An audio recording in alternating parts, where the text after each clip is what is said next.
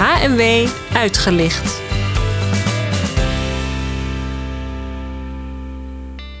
Welkom iedereen. Ik zit hier aan de telefoon met Jules Houwen, huisarts verbonden aan Gezondheidscentrum Lindenholt. En daarnaast onderzoeker promovendus van de Eerste Lijns Geneeskunde en Trouwpoot Museum. Welkom. Dankjewel. Of nou ja, soort van over de telefoon. Jij hebt uh, dit nummer van de HNW, heb jij zelfs twee artikelen in de HNW staan. Dat klopt. En dat is in het kader van jouw promotieonderzoek. Kan je daar meer over vertellen? Wat we zien is dat veel huisartsen de zorg voor patiënten lastig vinden. Uh, ze ervaren daarbij ook vaker problemen eh, in de communicatie bij uh, patiënten met uh, somatisch onvoldoende verklaarde lichamelijke klachten. En ik denk dat het daarom heel zinvol is om te kijken van wat er in een consult gebeurt en wat daarin ook de rol is van de huisarts. Want wij denken dat die huisarts in het consult zelf kan bijdragen aan het in stand houden of aan het verergeren van de onverklaarde klachten van patiënten. En daarin spelen een aantal elementen een rol die denk ik goed zijn om te benoemen. En het eerste element is de onzekerheid van de arts voor het stellen van de werkhypothese SOLK. Uh, er zijn een aantal focusgroepstudies gedaan die laten zien dat huisartsen aangeven dat lastig te vinden. En het, de onzekerheid die de artsen ervaren, die kunnen ervoor zorgen dat zij dus meer aanvullend onderzoek aanvragen of dat ze meer medicatie gaan voorschrijven voor patiënten.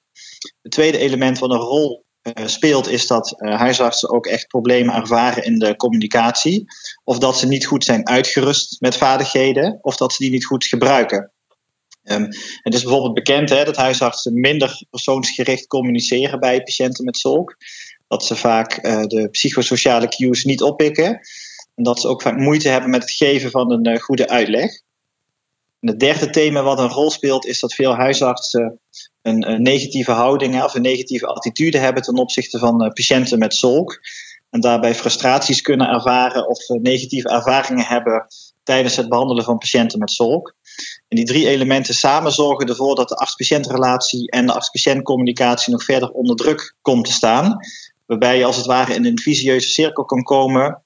Eh, en waarbij de huisarts dus eigenlijk zelf als het ware een bijdrage levert aan het instand houden of het verergeren van de somatisch onvoldoende verklaard lichamelijke klachten. Nou, daar zien we uit onderzoeken dat een uh, clinical assessment van symptomen, en daarmee bedoel ik het aandacht hebben voor het geven van een uitleg, het doen van een lichamelijk onderzoek, het focussen op psychosociale aspecten of het doen van een geruststelling, en dat dat positieve effecten heeft op gezondheidsuitkomsten. En we zien bijvoorbeeld bij patiënten met uh, hoofdpijn, geduid als zolk, uh, dat daar de beste voorspeller was voor een goede uitkomst. Het, het, het, het, bieden van mogelijkheden aan patiënten om een volledige verhaal te vertellen. andere onderzoeken laten bijvoorbeeld zien dat een goede arts-patiëntrelatie een associatie heeft hè, met positieve gezondheidsuitkomsten bij patiënten met prikkelbare darmsyndroom. En dan blijkt bijvoorbeeld ook dat het geven van een positieve uitleg een goed effect heeft bij patiënten met zolk.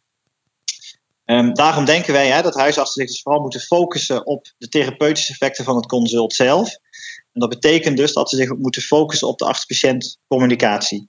En uh, tegen die achtergrond zijn wij dit onderzoek begonnen hè, met het doel dus om een uh, communicatieinterventie te ontwikkelen, bruikbaar voor huisartsen en acceptabel voor zowel huisartsen als patiënten, waarbij het focus ligt op het therapeutische effect van het consult zelf. En hoe zijn jullie vervolgens te werk gegaan? Nou, wat wij hebben gedaan is dat wij uh, huisartsen hebben aangeschreven om mee te doen aan uh, deze studie. En uh, de huisartsen die mee wilden doen, daar ben ik vervolgens in de praktijk gaan kijken. Die heb ik voorlichting gegeven en heb ik vervolgens één tot twee dagen heb ik, video, heb ik videoconsulten gemaakt van van, van de patiëntcontacten. He, dus we hebben eigenlijk alle consulten op video opgenomen als de huisarts en de patiënt toestemming gaven. En uiteindelijk hebben de huisartsen hebben we gevraagd om naar ieder consult een vraag te beantwoorden. Namelijk van, denkt u dat er bij deze uh, patiënt sprake was van zolk? En als de huisarts daar uh, ja tegen zei, dan hebben we die patiënten vervolgens gevraagd om te reflecteren op hun eigen videoconsult. En dat betekent dat ik contact opnam met die patiënten en dat ik samen met die patiënt de video heb teruggekeken. Dus we hebben het eigen consult van hem teruggekeken. En terwijl zij uh, het videoconsult terugkeken, heb ik de patiënt geïnterviewd. Wat zij van het consult vonden, waar ze tegenaan liepen, of ze problemen hebben ervaren. En ik heb dat vervolgens daarna ook bij de huisarts gedaan. Dus huisarts en patiënten hebben onafhankelijk van elkaar teruggekeken en gereflecteerd op het consult. Wat viel op in het onderzoek, in de interviews? Ja, wij, wij hebben dus, ik denk dat er meerdere dingen opvielen in de interviews. Hè. We hebben dus gevraagd aan zowel huisartsen aan patiënten van wat ze van het consult vonden. Hè. Dat hebben we eigenlijk ehm, gedaan om, om de video onder drie minuten te stoppen. Uh, en als patiënten uh, soms iets spontaan vertelden, of huisartsen, dat gebeurde ook regelmatig, hè, dan stopte de video eerder. En dan gingen we vaak inzoomen op dat fragment, op dat deel van het consult wat er nu gebeurde. Hè. Dus we hebben gekeken van nou, wat ze belangrijk vonden. Hè. We hebben gekeken ook van wat hun verwachtingen waren. Hè. We hebben ook gekeken waar ze moeite mee hadden, waar de problemen lagen in, in de communicatie. En we hebben ook een huisartsen gevraagd van eh, op welk moment in het consult zij dachten dat de symptomen uh, waren. En we hebben daarbij ook gevraagd van um, welke elementen daar een rol in speelden. Hè. Dus hoe kwam het dat ze dat zo dachten? En nou vond ik het zelf leuk om te lezen dat patiënten dus bepaalde problemen niet ervaren die de huisartsen wel ervaarden. Kan je daar uh, wat toelichting op geven? Ja, dan gaan we eigenlijk op naar de resultatensectie. Hè? Dus dan zien we eigenlijk dat, uh, dat als we kijken van waar huisartsen problemen ervaren in het consult, hè, dat we daar eigenlijk uh, drie thema's uit hebben kunnen destilleren. Het eerste waarin huisartsen aangaven problemen te ervaren was het psychosociaal exploreren. Het tweede thema was het structureren van het consult. En het derde thema was het persoonsgericht communiceren. Ik denk dat het goed om toelichting op te geven. Kijk, wat we zien bij het psychosociaal exploreren is dat huisartsen aangaven dat ze onvoldoende de cognities, uh, ideeën en verwachtingen van patiënten uitvroegen. Um, en ze gaven vaker aan dat ze daar onvoldoende tijd voor hadden. Ja. Uh, terwijl ze zich wel realiseerden dat dat heel belangrijk was uh, voor dit consult. Um, wat betreft het structureren uh, gaven huisartsen aan dat ze soms het consult wat chaotisch hebben ervaren. En uh, dat kwam bijvoorbeeld omdat ze al begonnen met het geven van een uitleg voordat zij de patiënt überhaupt lichamelijk hadden onderzocht. En, en, ze gaven daarbij aan dat ze bijvoorbeeld wat vaker gebruik konden maken van samenvattingen waarin dan die hulpvraag uh, kon worden benoemd. En als we dan kijken naar het laatste thema, het persoonsgericht communiceren, dan zien we dat huisartsen aangaven dat ze zich meer hadden moeten focussen op waarom een patiënt kwam. Hè. Dus wat was nu de reden van komst uh, van een patiënt. Ze zouden zich eigenlijk meer moeten focussen op, uh, uh, op de hulpvraag van de patiënt, maar ook meer op een gedeelde besluitvormingsproces. Ze vertelden daarbij ook dat ze soms wat meer aandacht moesten hebben voor de kwaliteit van het contact. Hè, omdat ze bijvoorbeeld veel met de computers bezig waren. Of omdat ze de patiënt weinig ruimte gaven. Omdat ze hun eigen concepten al snel, als het ware, op tafel wilden delen met de patiënten. En daardoor eigenlijk te veel doctor-centered communiceerden. Hè, in plaats van dat ze de patiënt daarbij ruimte gaven voor een eigen uh, invulling. Maar dat is dus iets wat de uh, patiënten niet per se ervaarden. Nou, niet alleen. En we hebben natuurlijk ook gekeken van wat, wat um, waar patiënten problemen hebben ervaren in het consult. En daar zagen we uiteindelijk een zestal thema's uit tevoorschijn komen. Hè. De patiënten die hebben problemen ervaren in het consult omdat ze bijvoorbeeld geen juiste afstemming hadden met de agenda van, die van, met, van de huisarts. Hè. Dus de huisarts begon over iets anders wat voor patiënten eigenlijk helemaal niet zo belangrijk was. Um, patiënten gaven ook aan dat ze soms een, een, niet heel fijn gevoel er hebben ervaren tijdens het consult. En dat kwam bijvoorbeeld vaak als een huisarts niet goed was in het contact volgens die patiënt hè, of weinig empathie toonde. Sommige patiënten zeiden dat ze geen uh, plan hadden meegekregen. Dus dus het, ontbrak aan een managementplan. Dus gingen naar huis en wisten eigenlijk niet zo goed wat ze moesten doen. Uh, een enkele patiënt gaf aan dat zij uh, vooroordelen hebben ervaren van de huisarts. Wat betekent uh, in hun optiek dat uh, huisarts al snel begon te praten over uh, psychosociale stress. Hè, en dat ze daarbij eigenlijk de klachten volgens de patiënt niet heel serieus namen. Een vijfde thema was dat sommige huisartsen volgens patiënten niet goed waren voorbereid aan het consult. Hè, met het gevolg dat patiënten het verhaal wederom zouden moeten herhalen. Hè, omdat, ze dat, um, omdat de huisarts zich dus niet had goed voorbereid. En een zesde thema was is dat uh, volgens patiënten huisartsen niet altijd aangaven dat zij of zij niet heel goed wisten wat nu eigenlijk de oorzaak van het probleem was. En dan hadden ze eigenlijk liever gehad dat een huisarts dat gewoon eerlijk zou vertellen, in plaats van een verhaal vertellen ja, wat volgens de patiënten uh, niet helemaal klopte. En hebben jullie dan ook de, uh, gevraagd bijvoorbeeld naar de arts-patiëntrelatie of daar, dat meegenomen in, uh, in de beoordeling, hoe huisarts en patiënt elkaar al zien? Nee, we hebben niet expliciet gevraagd van hoe ze die relatie zien. Uh, niet letterlijk uh, zo'n vraag gesteld, maar uiteindelijk gingen patiënten en huisartsen wel vertellen hè, van hoe die arts-patiëntrelatie er in hun optiek uitzag. Hè, wat, wat daarin goed was of wat juist misschien minder goed was. Dus patiënten en huisartsen hebben er wel feedback op gegeven. Hè? En dan hebben ze ook heel duidelijk gezegd van hoe ze dat graag zouden willen zien. En daaruit blijkt bijvoorbeeld dat patiënten het enorm waarderen als er toch een vorm van gelijkwaardigheid is binnen die relatie. Ja, want dat gevoel hebben ze niet altijd. Nou, als het bijvoorbeeld niet helemaal goed ging, dan, dan, dan was bijvoorbeeld, hè, dan was een van de elementen inderdaad dat die dokter als het ware de patiënt te veel overroelde. En dat zien we dan ook terug uit de analyses vanuit de uh, reflecties vanuit de huisartsen, dat ze dus soms te veel doktercenterd waren, hè, waarbij ze de patiënt dus te weinig ruimte gaven. Ja. Natuurlijk hartstikke leuk voor jezelf ook. Je hebt dat, dit onderzoek heeft waarschijnlijk ook heel erg veranderd hoe jij met zolk omgaat in je praktijk. Ja, heeft, ja. ik heb er tegenwoordig niet heel veel moeite mee eh, met patiënten met uh, onverklaarde klachten. En ik vind het uh, consulten die eigenlijk wel vaak heel veel diepgang bieden. En waarbij je toch altijd enorm veel komt te weten over patiënten. Dus ik vind het eigenlijk altijd hele waardevolle consulten. En wat zijn zaken die jij nu veranderd hebt aan je doen en laten met patiënten in de praktijk die je mee kan geven? Nou, ik denk wat heel belangrijk is, is dat je eigen, uh, bewust bent van je eigen houding. Dus als je al begint met een negatieve houding ten opzichte van bepaalde patiënten, dan kun je volgens mij nooit goed een uh, consult doen zoals je dat eigenlijk zou moeten doen. Hè? Dus dat is volgens mij één. Hè? Dus bewust zijn van je eigen houding. Uh, maar ook als je het hebt over skills, dus over vaardigheden, denk ik ook wel dat ik daar anders mee omgaan. Dat ik daar veel in heb geleerd. Ik denk dat ik uh, veel beter luister heb. Ik denk dat ik veel beter luister naar hetgeen wat die patiënt nu echt zegt. En uh, ik denk dat ik daar ook veel meer de cues die patiënten presenteren, dat ik die oppak en dat ik daarop doorvraag. Hè. Dus dat je veel meer verdieping krijgt in het verhaal. En die verdieping heb je ook nodig om patiënten beter te begrijpen.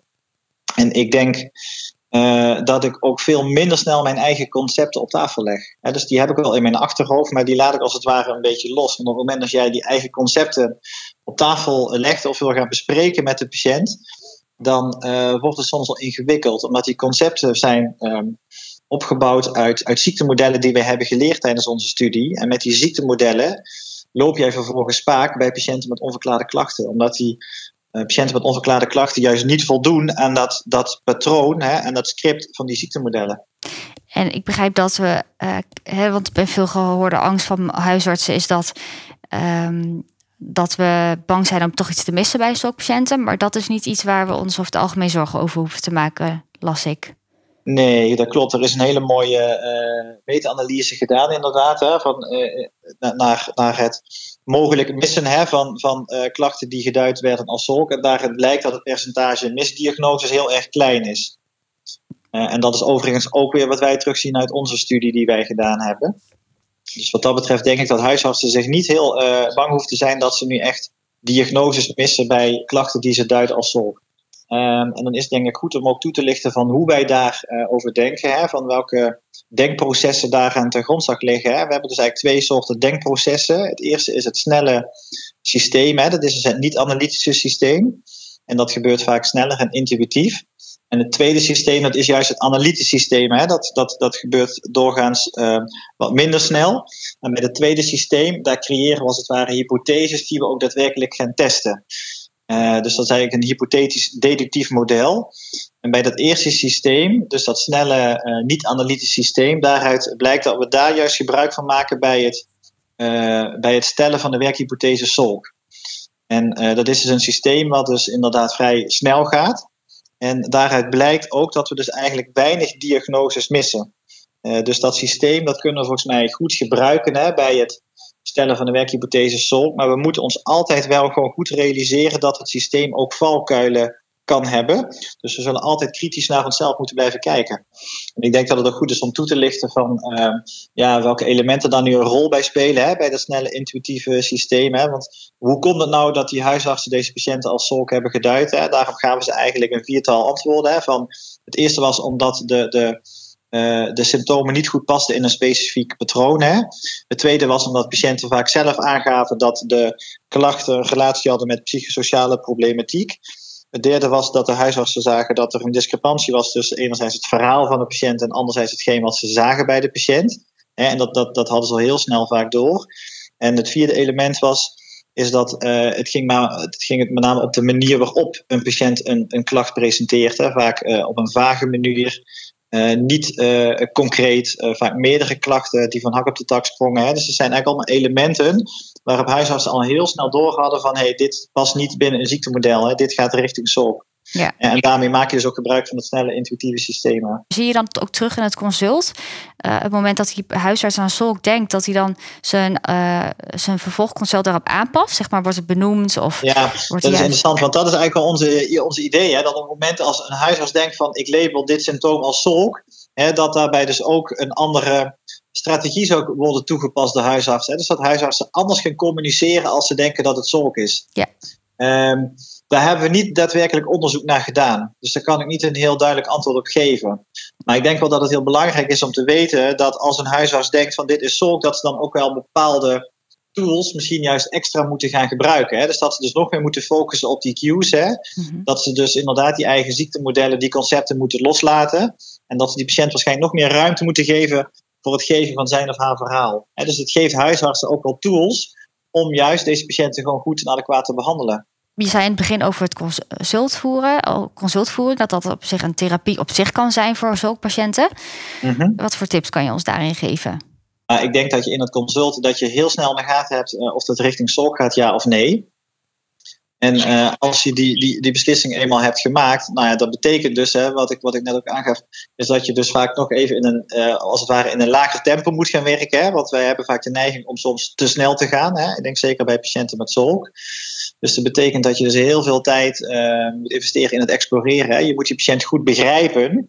Dat, dat kan alleen door het goed en volledig exploreren van die klachten, cognities en uh, ideeën. En, en, en het is vaak niet het moment, maar het gaat vaak ook over het exploreren van, um, uh, van een deel geschiedenis van die patiënten. Hè? Dus, dus hoe zat het nou bij deze patiënt en hoe werkt het nou en hoe denken patiënten over bepaalde dingen? En hoe hebben patiënten zich ontwikkeld over bepaalde dingen? Hè? Dus dat is volgens mij heel belangrijk om dat hele concept goed te begrijpen. Mm -hmm. En ik denk als je dat gewoon goed begrijpt, dan kun je ook met een patiënt uh, kijken of je het eens wordt hè, over de kern van het probleem. Hè. Dus dat is het creëren van die gedeelde probleemdefinitie. Ja. En dat is toch wel een heel belangrijk element. Want als je het daar niet over eens bent met een patiënt, ja, dan kun je volgens mij gaan proberen uit te leggen wat je wil. Of je kunt gaan starten met behandelingen. Maar dat heeft volgens mij allemaal niet zo heel veel zin. Dus je moet zorgen dat je het eens wordt. En als je het eens wordt over die kern van het probleem, dan kun je daarnaast gaan kijken van hoe je iets zou kunnen gaan uitleggen aan patiënten.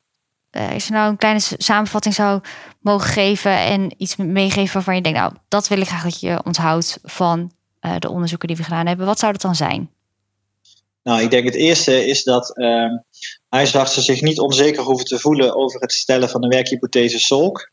Eh, want wij zien dat uh, huisartsen dat snel doen en dat dat ook een uh, relatief veilige manier is om te doen.